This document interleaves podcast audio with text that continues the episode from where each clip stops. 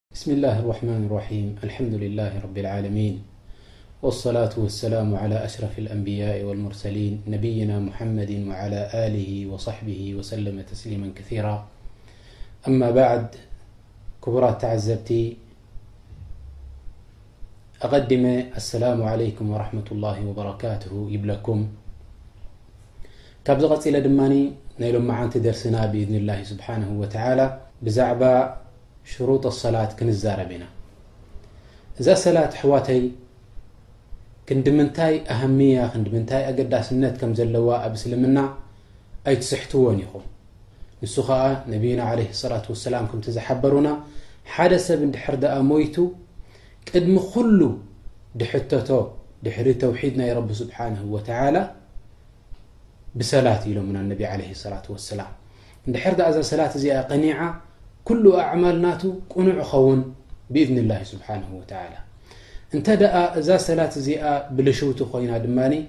ኩሉ ተግባር ናቱ ድማ ብልሽው ይኸውን ኣብቲ እዋን እቲ ስለዚ ኣሕዋተይ እዛ ሰላት እዚኣ ብጣዕሚ ኣገዳስነት ናታ ልዑል ስለ ዝኾነ ከምቲ ረቢ ስብሓንሁ ወተዓላ ድኣዘዞ ጌርና እንድሕር ድኣ ሰጊድናያ ኣብ ረቢ ስብሓንሁ ወተዓላ ቅብልቲ ትኸውን እንተደኣ ካብቲ ረቢ ስብሓነሁ ወተዓላ ዝሓገገላ ሕጊ ኣጉዲልና እንድሕር ደኣ ጌርናያ ድማ ኣብ ረቢ ስብሓነሁ ወተዓላ ቅብልቲ ኣይትኸውንን ካብኡ ሓሊፉ ድማ ኣብ ኽሳራ ተውዕለና እዛ ጉዳይ እዚኣ ማለት እዩ ንዚ ከዓ ነቢ ዓለይሂ ሰላቱ ወሰላም እንድሕር ደኣ ርኢኹሞ ሰብኣይ ንመስጊድ ምስ ኣተውን ነቢ ዓለይሂ ሰላቱ ወሰላም ክሰግድ ርኦሞ እዚ ሰብኣይ እዚ ክሰግድ እንከሎ ንዛ ሰላቱ ትኹብ ትኹብ ትኹብ ኣቢሉ ይሰግዳ ነይሩ ብድሕሪ ምስጋዱ ናብ ነቢ ለ ሰላት ወሰላም መፅኡ ኢልዎም ነቢ ለ ሰላት ወሰላም ኣሰላሙ ዓለይኩም እነቢ ለ ሰላት ወሰላም እንታይ ኢሎ ሞ እርጅዕ ፈሰሊ ፈኢነካ ለም ትሰሊ ኪድ ተመለስ ስገድ እዛ ሰላትካ ኣይሰገድካን ኢኻ ንስኻ እቲ ረቢ ስብሓን ወተላ ዝኣዘዞ ሰላት ንሳ ኣይኮንካን ሰጊድካ ኢሎሞ ነቢ ለ ሰላት ወሰላም ከም ብሓድሽ ከይዱ ድማ ዝሰብ እዚ ክሰግድ ድማ ጀሚሩ እዛ ሰላት ከኣ ልክዕ ከምታ ቀዳመይቲ ትኹብ ትኹብ ትኹብ ኣቢሉ ድማ ሰገዳ፣ ብድሕሪኡ ድማ ናብ ነቢ ዓለይሂ ሰላቱ ወሰላም ተመሊሱ ኣሰላሙ ዓለይኩም ኢልዎም ነቢ ዓለይሂ ሰላቱ ወሰላም። ነቢ ከኣ ዓለይሂ ሰላቱ ወሰላም እንታይ ኢሎሞ ተመለስ ስገዳ እዛ ሰላትካ ንስኻ እኮ ኣይሰገድካን ኢሎሞ። ሳልሳይ ምስ ተመለሰ ድማ ልክዕ ከምኡ ኢሉ ድማ ሰላም ምስ በሎም ነቢ ዓለይሂ ሰላቱ ወሰላም ኢሎሞ ተመለስ ናብዛ ሰላትካ ከምቲ ዝግባእ ጌርካ ስገዳ ምስ በልዎ ንነቢ ዓለይሂ ሰላቱ ወሰላም እዚ ሰብ እዚ እንታይ ኢልዎም ወለዚ በዓሰካ ብልሓቅ በቲ ብሓቂ ድለኣኸካ ይኹነኒ ኣነ ብጀካ እዚ ድኽእሎ ነገር የብለይን ዓልመኒ መሃረኒ ከመይ ጌርካ ከም ዝስገድ ከመይ ጌርካ እዛ ሰላት ናተይ ቅብልቲ ከም ትኸውን ኣብ ረቢ ስብሓነሁ ወተዓላ ኣስተምህሮ ሃበኒ ከምቲ ዝምሃርካኒ ገይረ ምእንቲ ክሰግድ ኣብ ረቢ ስብሓንሁ ወተዓላ እታ ሰላት ናተይ ድማ ምእንቲ ቅብልቲ ክትከውን ኢሉ ነቢ ዓለይሂ ሰላቱ ወሰላም ተወኪስዎም እዚ ሰሓቢ እዚ ስለዚ ኣሕዋተይ ድሕር ደኣ ክንሰግድ ኮይንና እቲ ሰላት ናትና እንታይ ክኸውን ዝግባእ ከምቲ ረቢ ስብሓነሁ ወተዓላ ድኣዘዞ ከምቲ ነቢ ዓለይሂ ሰላቱ ወሰላም ገይሮም ድሰገድዎ ጥራሕ ኢና እንድሕር ገይርና ኣብ ረቢ ስብሓነሁ ወተዓላ ቅብልቲ ክትከውን እዛ ሰላት ናትና ካብኡ እንድሕር ድኣ ጎዲሉ ድማ ከክንዲ እቲ ጉድለቱ ድማ እዛ ሰላት እዚኣ ጉድለት ከተሰክመና እያ ማለት እዩ ረቢ ስብሓነሁ ወተዓላ ኣብ ቁርኣን እንድሕር ድኣ ርኢናዮ እንታይ ኣይበለናን ሰሉ ሰላት ኣይበለናን ረብና ስብሓነሁ ወተዓላ እዛ ሰላት ስገድዋ ክብለና ከሎ ረብና ስብሓነሁ ወተዓላ ኣብቲ ኣበሃህላ ናይ ቁርን እንታይ ኣይበለን ሰሉ ሰላት ኣይበለን እንታይ ዳ ኢሉና ረብና ስብሓነሁ ወተዓላ ወኣቂሙ ሰላ ወነቢ ዓለ ሰላት ወሰላም ወይ ኢቃመቱ ሰላት ኢሎም ከዓ ኣብ ሓዲ ኣነቢ ዓለ ሰላት ወሰላም እንታይ ኢሎም ዑለማ ነዚ ጉዳይ እዚ ክዛረብሉ ከለዉ እንታይ ማለት እዩ ኢቃመቱ ሰላት ኢቃመቱ ሰላት ማለት ኣሕዋተይ እንታይ እዩ እዛ ሰላት እዚኣ ክትሰግዳ ብግቡእ ናታ ግቡእ ናታ ከዓ እንታይ እዩ እቲ ኣርካን ናታ ሙሉእ ክትገብሮ ይግብኣካ እቲ ዋጅባት ናታ ሙሉእ ክትገብሮ ይግብኣካ ከምኡ እውን ኣቐዲምካ ድማ ቅድሚ ኩነት ናታ እዚ ንወስደሎም መዓንቲ ማለት እዩ ሽሩጥ ናታ ድፈለጥካ ክትከውን ይግብኣካ ከምኡ ውን እንታይ ሱነን ሱናታት ድማ እንታይ ኣለዋ እዛ ሰላት እዚኣ ድፈለጥካ ክትከውን ይግብኣካ ምእንቲ እዛ ሰላት እዚኣ እንታይ ክትበሃል ኣከምተ ሰላት ምእንቲ ክትበሃል እዛ ሰላት እዚኣ ኢቃማ ጌርካላ ክትበሃል ምእንቲ እዛ ሰላት እዚኣ ስለዚ ኣሕዋተይ ነዚ ኢልና ከዓ እንታይ ንብል ኣለና ማለት እዩ እዛ ሰላት እዚኣ ብደንቢ በቲ ረቢ ስብሓንሁ ወተዓላ ድፈትዎን በቲ ረቢ ስብሓነሁ ወተዓላ ድኣዘዞም ከምኡ ውን በቲ ነቢ ዓለይሂ ሰላቱ ወሰላም ኣገባብ ገይሮም ድሰገድዎን ምእንቲ ክንፈልጣ እዛ ሰላት እዚኣ ካብ መጀመርያ እንታይ ንጅምር ኣለና ማለት የሕዋተይ ብሽሩጥ ሰላት ድብል ኣርእስቲ ብኡ ንጅምር ናይ ሎመዓንቲ ኣስተምህሮና ሽሩጥ ሰላት እንታይ ማለት እዩ ኣሕዋተይ ወይ ድማ ሽሩጥ እንታይ ማለት እዩ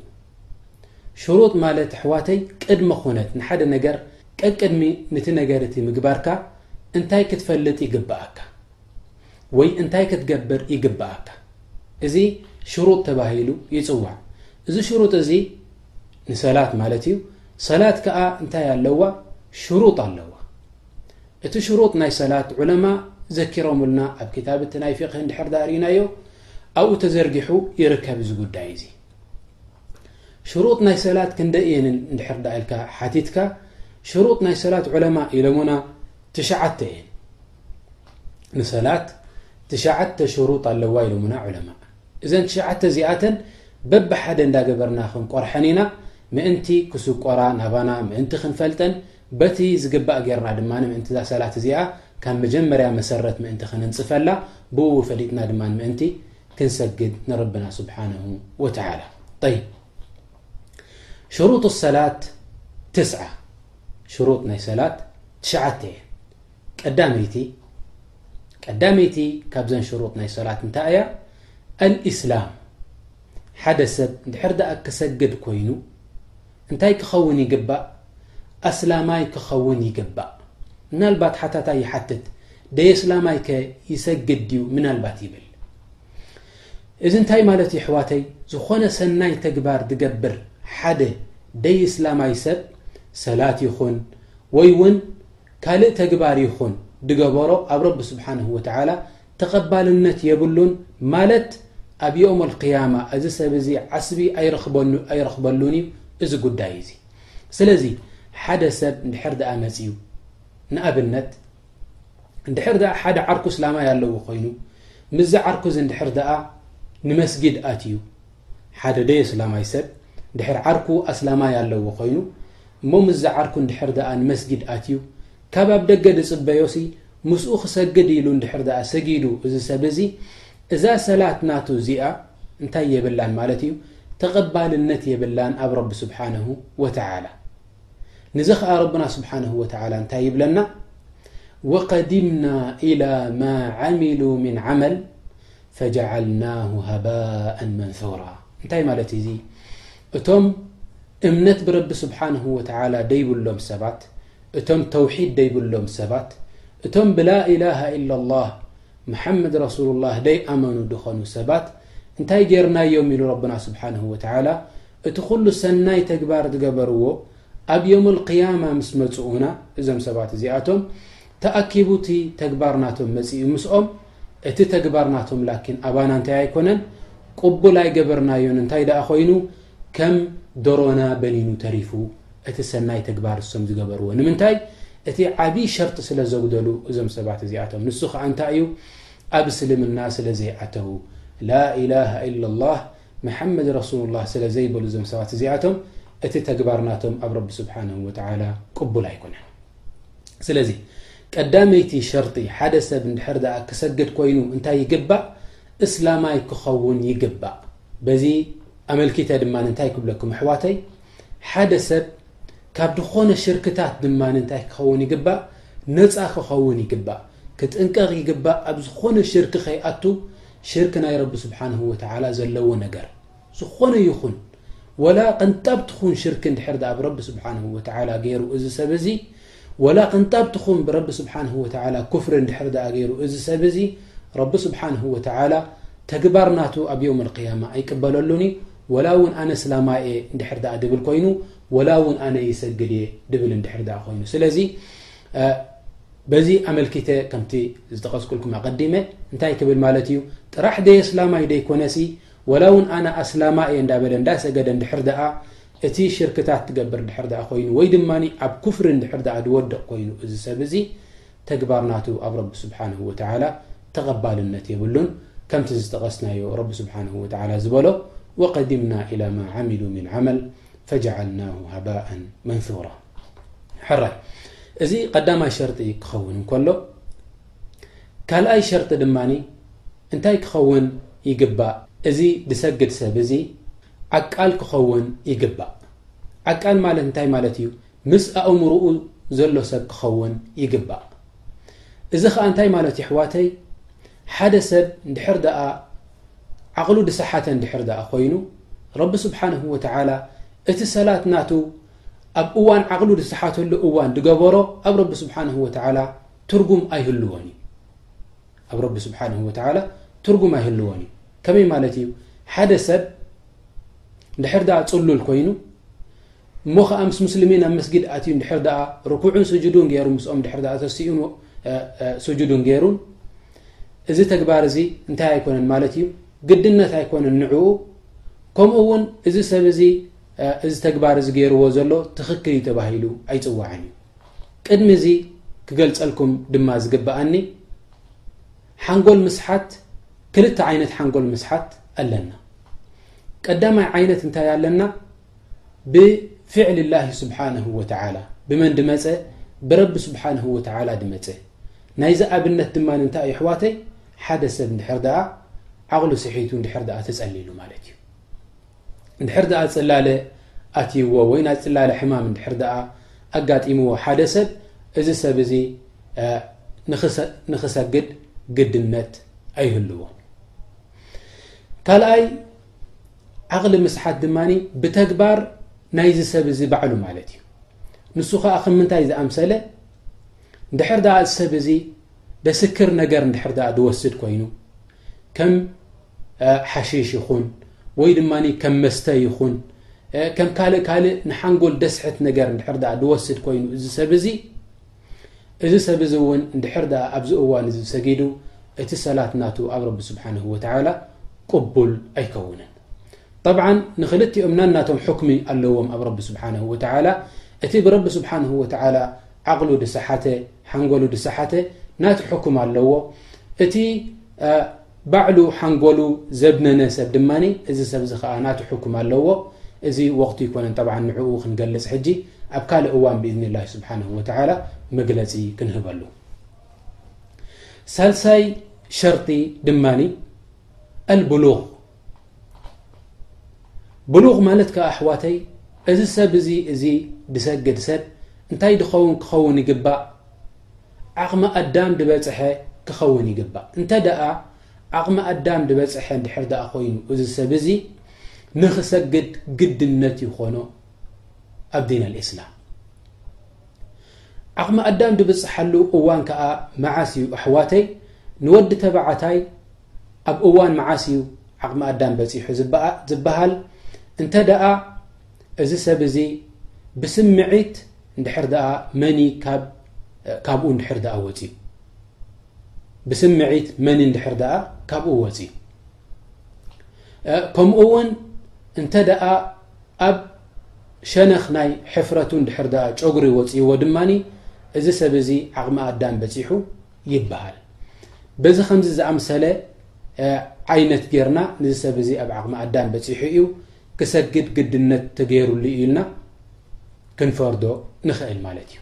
እዚ ንወዲ ተባዕታይ ክኸውን እንከሎ ንጓል ኣንስተይቲ ድማ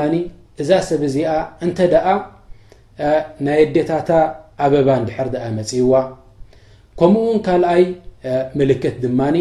ልክዕ ከምቲ ንትወዲ ተባዕታይ ዝበልናዮ ድሕር ደኣ ኣብቲ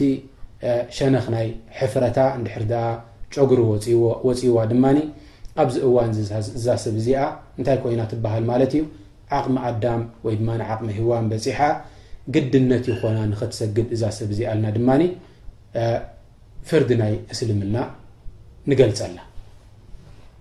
እዚ እንታይ ማለት እዩ እዚ ሰብ እዚ ድሰግድ እንታይ ክኸውን ይግባእ ባልቕ ክኸውን ይግባእ ባልቕ ክኸውን ይግባእ ማለት ዓቕሚ ኣዳም ድበጽሐ ክኸውን ይግባእ ጠብዓን ኣኽዋተይ እንድሕር ደኣ ርኢናዮ ሓደ ሰብ እንድሕር ደኣ ዓቕሚ ኣዳም ከይበጽሐ እንድሕር ደኣ ሰጊዱኸ እንታይ ኣለዎ ጠብዓን ንሕና እንታይ ኢና ንዛረብ ዘለና ናይ ዝግደዱ ሰባት ኢና ንዛረብ ዘለና እቶም ዝግደዱ ኣብ ዓቕሚ ኣዳም ድበጽሑ እዮም ግን እንድሕር ደኣ ቅድሚኡ እዚ ሰብ እዚ ሰጊዱ እዚ ቆልዓ እዚ እዚ ዘይበጽሐ ዓቕሚ ኣዳም እዚ ዝተግበሮ ተግባር ሰናይ ተግባር እዚ ሰላት ይኹን ካልእ ካልእ ይኹን ሰናይ ተግባር ረቢ ስብሓንሁ ወተዓላ ንዑ ዓስቢ ይቖፅረሉ ንሱ ከዓ እንታይ ማለት እዩ ከም ሱና ይቑፀረሉ ንዚ ሰብ እዚ ንወለዱ ድማ ረቢ ስብሓንሁ ወተዓላ በቲ ሰናይ ተግባር ንዚ ሰብ እዚ ብምምሃሮም ረቢ ስብሓንሁ ወተዓላ ንዓኣቶም ከዛሊክ ኣጅሪ ይሓስበሎም ማለት እዩ መበል ራብዓይ ሽሩጥ ናይ ሰላት ድማ እንታይ ኣለና ኣተሚዝ ኣተሚዝ ከዓ እንታይ ማለት ይሕዋተይ እዚ ድሰግድ ሰብ እዚ እንታይ ክኸውን ኣለዎ ድፈሊ ክኸውን ይግባእ እንታይ ማለት እዩ ድፈሊ እንታይ ይገብር ከም ዘሎ ሲ ድፈልጥን ድማምይን ክኸውን ይግባእ እዚ ሰብ እዚ ከመይ ማለት እዩ ያኒ ሓደ ሰብ እንድሕር ደኣ ቆልዓ ኮይኑ ንእሽተይ እንድሕር ደኣ ኮይኑ ንኣብነት ንኣሽቱ ቆልዑት ንመስጊድ ሒዝካዮም ኬድካ ምሳኻ ርኩዕ ክገብሩ ይጸንሑ ስጁድ ክገብሩ ይጸንሑ መሊሶም ከኣ ተሲኦም ይጻወቱ መሊሶም ተመሊሶም ከኣ ምሳኻ እንታይ ይገብሩ ይሰግዱ ንምንታይ እዮም ከምዚ ዝገብሩ ዘለዉ ኢልካ እንድሕር ደኣ ሓቲትካ ጠብዓን እዞም ሰባት እዚኣቶም ስለ ደይ መመዩ ስለ ዝኾኑ ማለት እዩ ስለዚ እቲ ድሰግድ ሰብ እንታይ ክኸውን ኣለዎ? ዝመመየ ክኸውን ይግባእ። ሕጂ ምስታ ቕድሚኣ ኣተሓሒዝና ገለ ገለ ዑለማእ እውን ንኽልቲኤን ከም ሓንቲ ገይሮም ዘተሓሓዝወን ኣለዉ። ንየነይቲ ንታ ሳልሰይትን ንዛ ራብዐይቲ ሒዝናያ ዘለና ደተሓሓዝወን ዑለማእ ኣለዉ። ጠብዓን ኣሕዋተይ እንታይ ማለት እዩ ዝመሚ ንዚ ኸኣ ነቢ ዓለይሂ ሰላቱ ወሰላም እንታይ ኢሎሙና ሙሩ ኣብናኣኩም ቢሰላቲ ሊሰብዕ ድሕር ደኣ ደቂ ሸውዓተ ዓመት በጺሖም ደቅኹም ሰላት ስገዱ ኢልኩም ኣዝዝዎም ኢሎምና ነቢ ዓለይሂ ሰላቱ ወሰላም። ብድሕሪኡኸ ወድሪቡሁም ዓለይሃ ሊዓሽር ድሕሪ ደኣ ዓሰርተ ዓመት ብጺሖም ከኣ እንታይ ግበሩ ድሕሪ ደኣ ደይሰጊዶም ህረምዎም ኢሎም ኣነቢ ዓለይሂ ሰላቱ ወሰላም። ቅጽዕዎም ንዞም ቆልዑት እዚኣቶም ኢሎምና ኣነቢ ዓለይሂ ሰላቱ ወሰላም። ስለዚ እንታይ ክኸውን ይኽእል እዩ ማለት እዩ ዓሰርተ ዓመት እንድሕር ደኣ በጺሑ ሓደ ቆልዓ እዚ ሰብ እዚ ክመሚ ክኢሉ ኣሎ ማለት እዩ ኣብዚ እዋን እዚ እዚ ቆልዓ እዚ እንተሰገደ እቲ ሰላት ናቱ ትኽክል መንገዲ ዝሓዘ ክኸውን ይኽእል ማለት እዩ እንተ እቲ ቅድሚኡ ላኪን ነቢ ዓለይሂ ሰላት ወሰላም እንታይ ኣይበሉናን ማለት እዮም ነዚ ቆልዓ እዚ ኣዝዝዎ ደኣ እምበረይ እንድሕር ደኣ ገዲፍዎ እንድሕር ደኣ ገዲፍዋ ንዛ ሰላት ህረምዎ ወይ ድማ ንቐፅዕዎ ኣይበሉናን ኣነቢ ዓለይሂ ሰላት ወሰላም እንታይ ዘረድኣና ካብዚ ማለት እዩ እዚ ቆልዓ እዚ እንድሕር ደኣ ብቆልዑኡ እንከሎ እንተመምዩ ካብ ዓሰርተ ንታሕቲ ጽቡቕ ኮይኑ እዚ ነገር ማለት እዩ ኣልሓምዱሊላህ እንድሕር ደኣ ደይ መምዩ ከኣ ክሳብ ዓሰርተ ዓመት ትጸንሖ ድሕሪ ዓሰርተ ዓመት ንዚ ቆልዓ እዚ እንታይ ትገብሮ ማለት እዩ ትቐጽዖ ንምንታይ ኢኻ ትቐጽዖ ዘለኻ ንዚ ቆልዓ እዚ ምእንቲ ኣብቲ እዋን ዓቕሚ ኣዳም ድበጽሓሉ እዋን መቕጻዕቲ ናይ ረቢ ስብሓንሁ ወተዓላ ምእንቲ ከየርክቦ ኢልካ ኢኻ ንዚ ቆልዓ እዚ ትቐጽዖ ዘለኻ እንታይ ማለት እዩ እንድሕር ደኣ ኣብ ዕቕሚ ኣዳም በጺሑ ደይሰገዳ ነዛ ሰላት እዚኣ ኣብ ረቢ ስብሓንሁ ወተዓላ ንመቕጻዕቲ ሓቅነት ክህልዎ እዩ ማለት እዩ ስለዚ ኣብ ከምዚ ከይበፅሐ እንከሎ እዚ ቆልዓ እዚ እንታይ ትገብሮ ኣለኻ ማለት እዩ ንስኻ ኮርስ ዝያዳ ትህቦ ኣለኻ ትምርምሮ ኣለኻ ዝያዳ ንዚ ቆልዓ እዚ ትምህሮ ኣለኻ ትሽጅዖ ኣለኻ ምእንቲ ኣብቲ እዋን ዓቕሚ ኣዳም ድበጽሓሉ እዋን ያዕኒ ድበሰለ ሰብ ኮይኑ እቲ ረቢ ሱብሓነሁ ወተዓላ ድኣዘዞ ትእዛዝ ድትግብር ምእንቲ ክኸውን ማለት እዩ። ሕራይ እዚ ራብዐይቲ ሸርጢ ከምቲ ዝጠቐስናዮ ዝመሚ ክኸውን ኣለዎ እሱ ከኣ ኣተሚዝ ማለት እዩ። ሓምሻይ ድማ ኣጠሃራ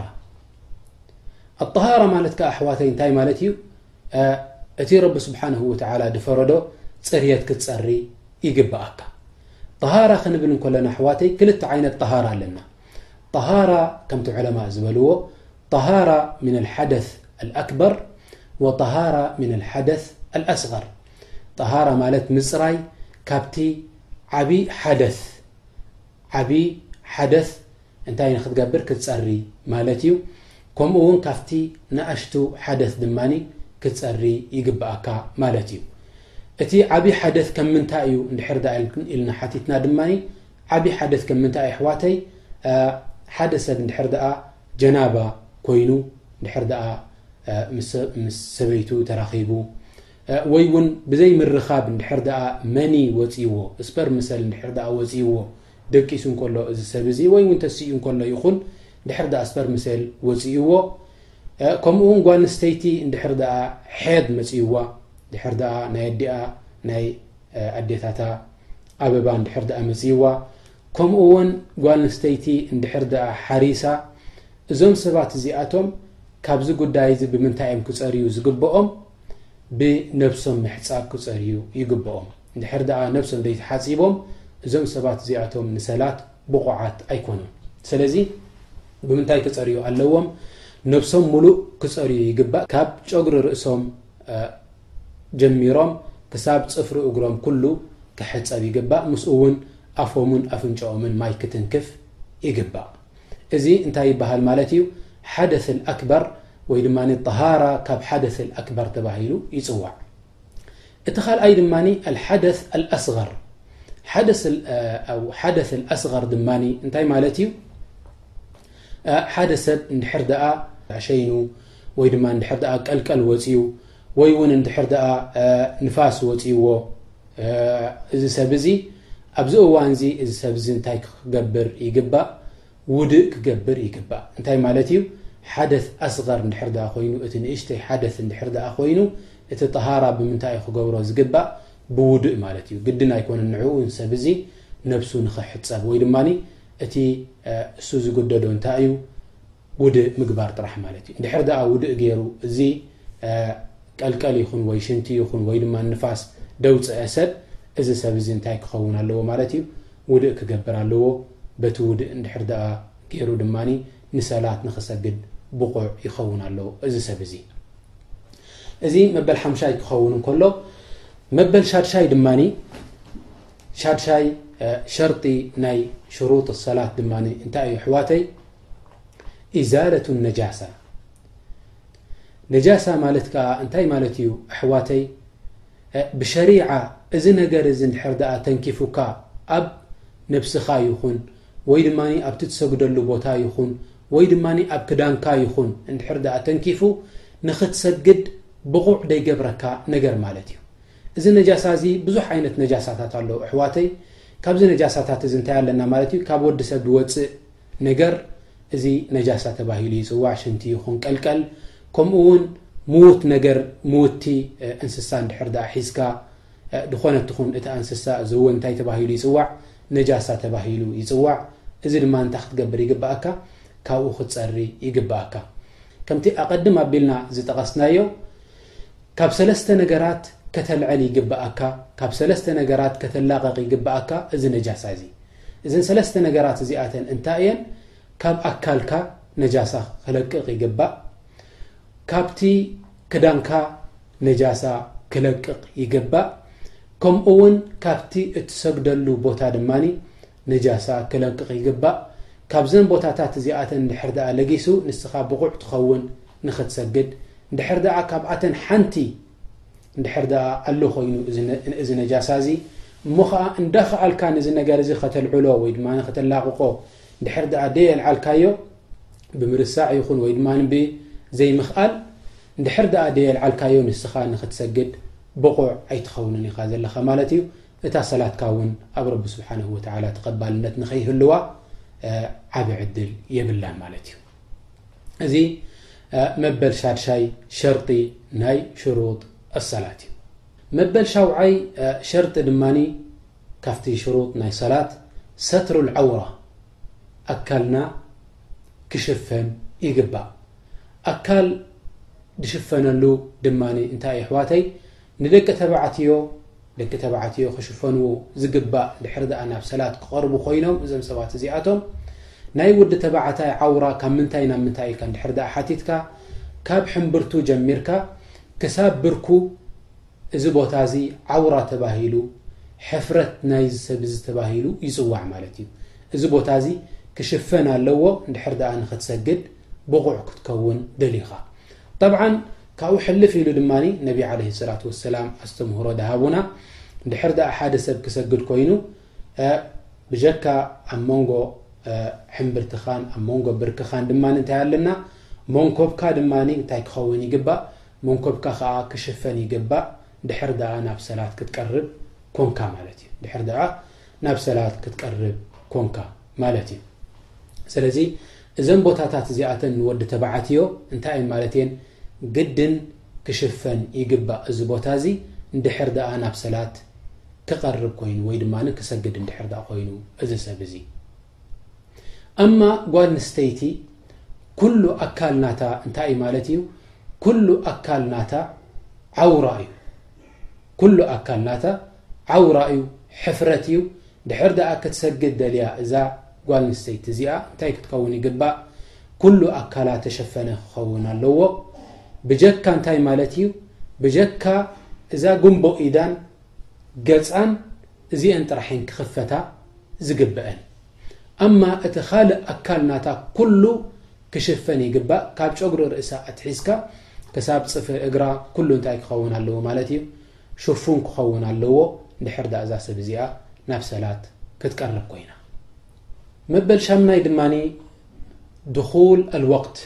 ሓደ ሰብ እንድሕር ደኣ ክሰግድ ኮይኑ እንታይ ክኸውን ይግባእ? እንድሕር ደኣ እቲ ዝሰግዶ ሰላት ፈርዲ እንድሕር ደኣ ኮይኑ ኣብ እዋኑ ክሰግድ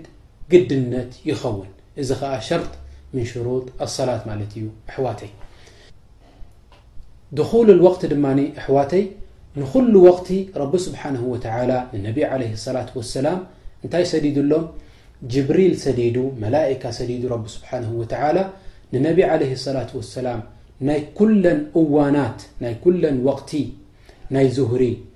ናይ ዓስሪ፣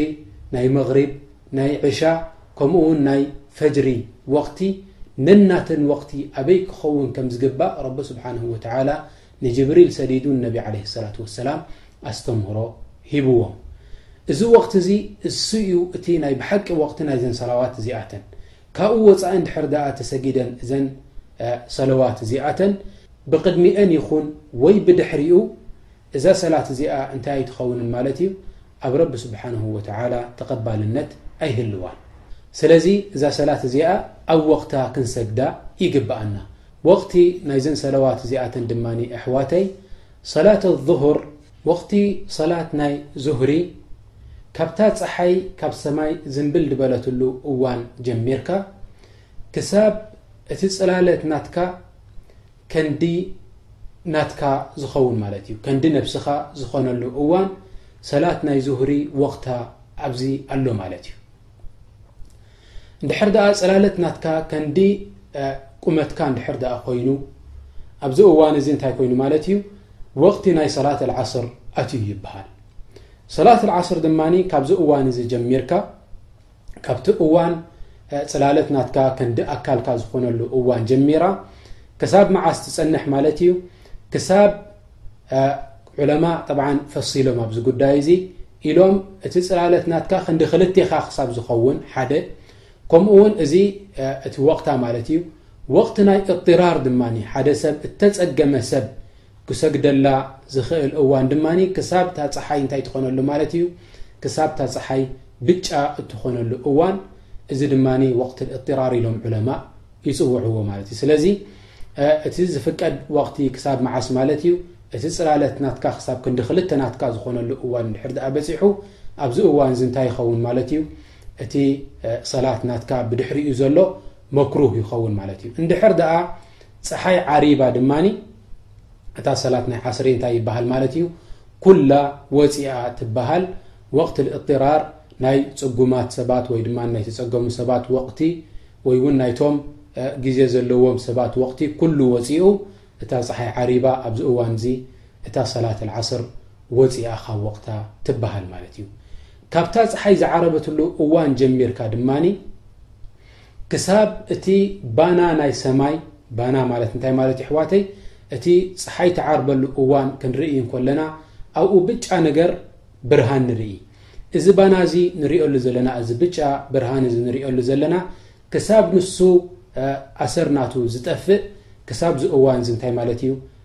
ወቕቲ ናይ ሰላት መግሪብ ኣሎ ይበሃል ማለት እዩ። እዚ ባና እዚ እንድሕር ደኣ ጠፊኡ ድማ እዛ ሰላት መግሪብ እንታይ ኮይና ኣላ ማለት እዩ ወቕታ ወጺኡ ካብቲ እዋንቲ ጀሚርካ ድማ እንታይ ኣትዩ ወቕቲ ናይ ሰላት ኣልዕሻ ድማ ኣትዩ ይበሃል ሰላት ኣልዕሻ ጠብዓ ኣሕዋተይ ዑለማእ ድማ ልክዕ ከምቲ ኣቐዲምና ተዛረብናዮ ናይ ሰላት ልዓስር ተዛሪቦምላ እዛ ሰላት ኣልዕሻ ካብ መዓስ ክሳብ መዓስ እያ እትውድእ ኢሎም ገለ ዑለማ ኢሎም እዛ ሰላት ኣልዕሻ ካብታ እዋን እዚኣ ዝጠቐስናላ ዝኣተወት ካብቲ ባና ናይ ሰማይ ዝጠፍኣሉ እዋን ጀሚርካ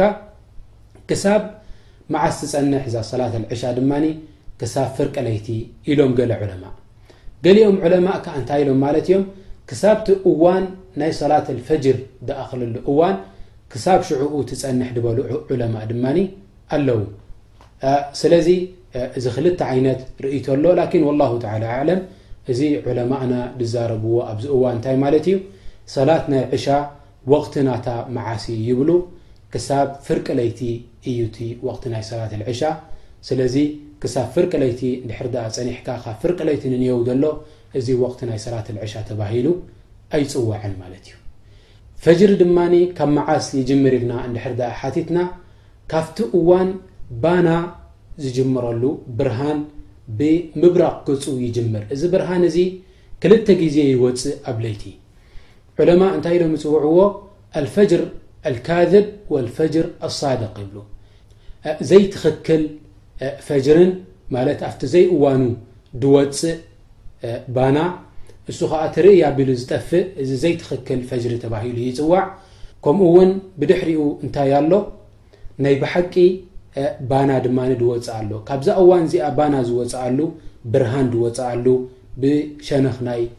ምስራቅ ካብዚ እዋን እዚ ጀሚርካ ድማ እንታይ ይኸውን ሰላት ናይ ፈጅሪ ኣትዩ ይበሃል ካብዛ እዋን እዚኣ ጀሚርካ ክሳብ ፀሓይ እትበርቀሉ ወይ ድማ ቀቅድሚ ፀሓይ እትበርቀሉ እዚ እዋን እዚ ወቅቲ ናይ ሰላት ኣልፈጅር ተባሂሉ ይፅዋዕ እንተ ደኣ ጸሓይ ወጺኣ ድማ ሰላት ናይ ፈጅሪ እዋና ወዲኣ ካብ ግዜኣ ሓሊፋ ትበሃል ማለት እዩ ኣብዚ እዋን እዚ። እዚ ከኣ ብጥቕልል ዝበለ እቲ ወቕቲ ናይ ሰለዋት ኣልኸምስ እዘን ሓሙሽተ ሰለዋት እዚኣተን መዓስ ይጅምራ መዓስ ይውድኣ ከምዚ ዝጠቐስናዮ ይኸውን። መበል ታሽዐይቲ ሸርጢ ድማ እንታይ እዩ እስትቅባል ኣልቅብላ እስትቅባል ኣልቅብላ ድማ ኣሕዋተይ ሸርጢ ምን ሽሩጥ ሰላት እዩ እንታይ ማለት እዚ ድማ ናብ ካዕባ ገጽካ ጌርካ ክትሰግድ ይግባእ ናብ ካዕባ ጌርካ ገጽካ ምስጋድ እዚ ሸርጢ ምን ሽሩጥ ሰላት እዩ ጠብዓ ኣሕዋተይ እዚ እንድሕር ደኣ ኣብ ሓረም ኣለኻ ኮንካ ኣብ ማካ እንድሕር ዳኣ ኣለኻ ኮንካ ግድን እንታይ ክኸውን ኣለዎ ዓይኒ ወይ ድማ እታ ቦታ ናይ ካዕባ ብትክክል ክትረኽባ ይግብኣካ ናብኣ ሸነኽ ጌርካ ክትሰግድ ግድነት ይኾነካ ንዓኻ እቶም ካብ መካ ወጻኢ ዘለዉ ድማ ልክዕ እሳቶም ከኣ እንታይ ክገብሩ ይግባእ ያኒ ናብቲ ሸነኽ ናይ ካዕባ ዝበሃል ቦታ ገይሮም በቲ ዝበጽሕዎ ፍልጠት ብ ብመስመር ኮይኑ ወሊ በዚ በጺሕናዮ ዘለና እዋን ሕጂ ብትምህርቲ ኮይኑ ናብ ካዕባ እዚ ሸነኻ ኢሎም እንድሕር ደኣ ሓዲዶም ናብኣ ገጾም ድማ ክሰግዱ ግድነት ይኾኖም እዞም ሰባት እዚኣቶም በዚ ማለት እንታይ ማለት እዩ ኩሎም እስላም ኣብ ዘለውዎ ሃልዮም ኣብ ዓለም ኩሎም ናብ ምንታይ ገጾም ክሰግዱ ይግባእ ናብ ካዕባ ገጾም ክሰግዱ ይግባእ ረብና ስብሓንሁ ወተላ ኣብ ቁርን እንታይ ኢልዎም ነቢ ለ ሰላት ወሰላም قድ ነራ ተቀልበ ወጅሂካ ፊ ሰማእ ፈለንወልየነካ ቅብለተን ተርضሃ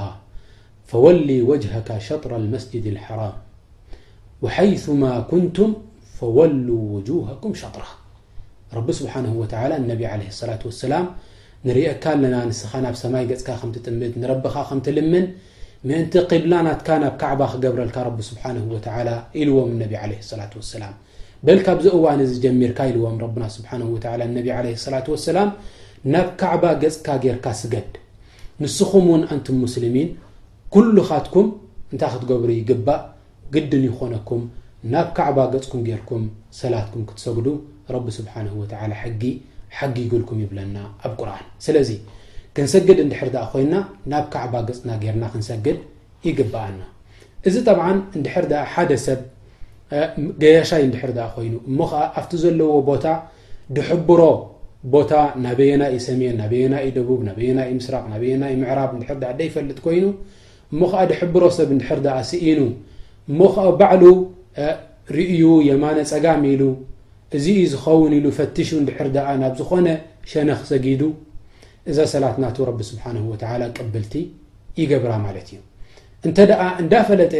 ናብ ዘይ ካዕባ ሰጊዱ እዚ ሰብ እዚ ግን ረቢ ስብሓንሁ ወተዓላ እዛ ሰላት ናቱ ቅብልቲ ኣይገብራን ከምኡውን ካልኦት ሰባት ኣለዉና ድሕር ደኣ ወላ ናብ ዘይ ካዕባ ድሕር ደኣ ሰጊዶም ረቢ ስብሓንሁ ወተዓላ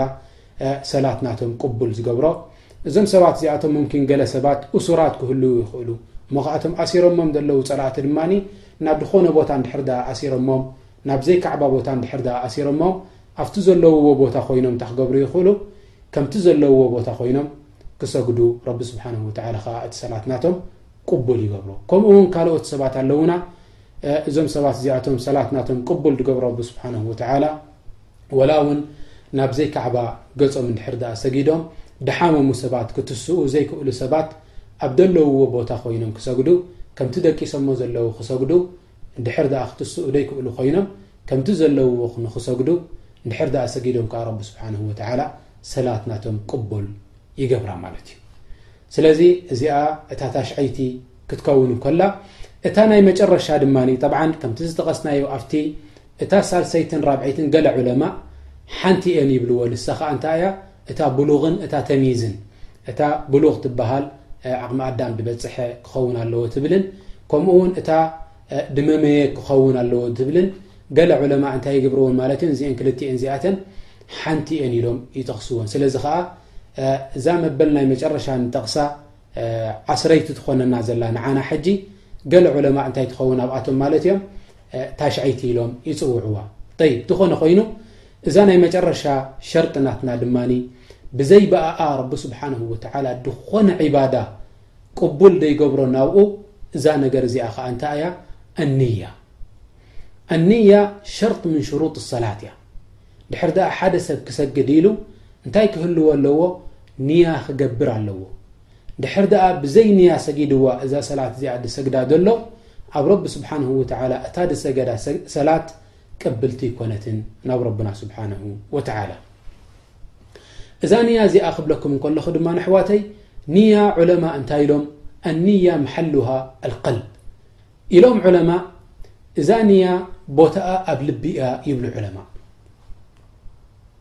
ማለት እንታይ ማለት እዩ ሓደ ሰብ እንድሕር ደኣ ክሰግድ ኢሉ መፅኡ እንድሕር ደኣ ክሰግድ ኢሉ መፅኡ ንዕኡ ኣድላይነት ኣይኮነን ብኣፉ ክዛረብ እታ ንያ ወልዛሊክ ዑለማ ዓበይቲ ዑለማ እንታይ ኢሎም ከም በዓል እማም ሻፍዒ ካልኦት ካልኦት ዑለማ እንታይ ኢሎም ኣንያ ምሓሉሃ ልቀልብ ወተለፍዙ ብሃ ቢድዓ ኢሎም ንያኮኒ ቦታ ናታ ኣብ ልቢ እዩ ኢሎም። እንድሕር ደኣ ብኣኣ ተዛሪብካ ድማ ከምዚ ይገብር ኣለኹ ከምዚ ይገብር ኣለኹ ኢልካ እንድሕር ደኣ ተዛሪብካ ከኣ እቲ ትዛረቦ ዘለኻ ዘረባ ቢድዓ እዩ ካብቲ ነቢ ዓለይሂ ሰላቱ ወሰላም ደኣዘዝዎ መንገዲ ድወጸ ኢሎም ይነግሩና እዞም ዑለማእ እዚኣቶም ስለዚ እዛ ንያ እዚኣ ቦታኣ ኣብ ልቢ እያ ክትሰግድ ኢልካ እንድሕር ደኣ መጺእካ ኣብቲ ጠጠው ዝበልካሉ እዋን ንኽትሰግድ ኢልካ ብልብኻ ትኣስር ኣነ ድሰግዳ ዘለኹ ሰላት እዚኣ ዙህሪ እያ ዓስሪ እያ መግሪብ እያ ወይ ኣልዕሻ ወይ እውን ፈጅሪ እያ ኢልካ እንድሕር ደኣ ኣብ ልብኻ ኣሲርካያ እዛ ንያ ናትካ እዚኣ ግድነት ኣይኮነን ንዓኻ ነወይቱ ሊላሂ ኣን ኡሰሊ ሰላት ኣዙሁር ወይ ሰላት ኣልዓስር ወይ እውን ሰላት ኣልመግሪብ ወይ ሰላት ኣልዕሻ ወይ ሰላት ኣልፈጅር ኢልካ ክትጠቕሳ ግድነት ኣይኮነን ንዓኻ በል ሓራም እዩ ንዓኻ ነዛ ነገር እዚኣ ንኸትጠቕሳ ንምንታይ እቶም ዑለማእ እንታይ ስለ ዝበሉ ቢድዓ እያ ስለ ዝበሉ እዛ ጉዳይ እዚኣ ስለዚ እንድሕር ደኣ ክትሰግድ ኮንካ እንታይ ይግደደካ ንያ ክትገብር ኣለካ እታ ትሰግዳ ዘለኻ ሰላት ኣነ ፈርዲ እየ ዝሰግድ ዘለኹ ወይ ሱና እየ ዝሰግድ ዘለኹ ወይ ፈርዲ ናይ ዙህሪ እየ ዝሰግድ ዘለኹ ወይ ፈርዲ ናይ ዓስሪ ወይ ፈርዲ ናይ መግሪብ ወይ ፈርዲ ናይ ኣልዕሻ ወይ ፈርዲ ናይ ፈጅሪ ወይ ሱብሒ እየ ዝሰግድ ዘለኹ ኢልካ ኣብ ልብኻ እንድሕር ደኣ ንያኻ ኣሲርካ እዛ ሰላት እዚኣ ኣብ ረቢ ስብሓንሁ ወተዓላ ቅብልቲ ትኸውን እንተ ደኣ ኣብ ንያኻ ደይኣሰርካ ኣብ ልብኻ ንያ እንድሕር ደኣ ደይኣሲርካ ከዓ እዛ ሰላት እዚኣ ኣብ ረቢ ስብሓንሁ ወተዓላ ተቐባልነት ኣይህልዋን ስለዚ ኣሕዋተይ እዚ ዝጠቐስናዮ እዘን ኩለን እዚኣተን ትሽዓተ ወይ ድማ ዓሰርተ ነገራት እዚኣተን ድጠቐስናየን ኩለን እዚኣተን እንታይ እየን ማለት እዩ ቅድመ ኩነት ናይ ሰላት እየን ቅድመ ኩነት ናይ ሰላት እየን እዚኤን እንድሕር ደኣ ፈሊጥና ከመይ ጌርና ናብ ሰላት ንኣትዋ ኣለና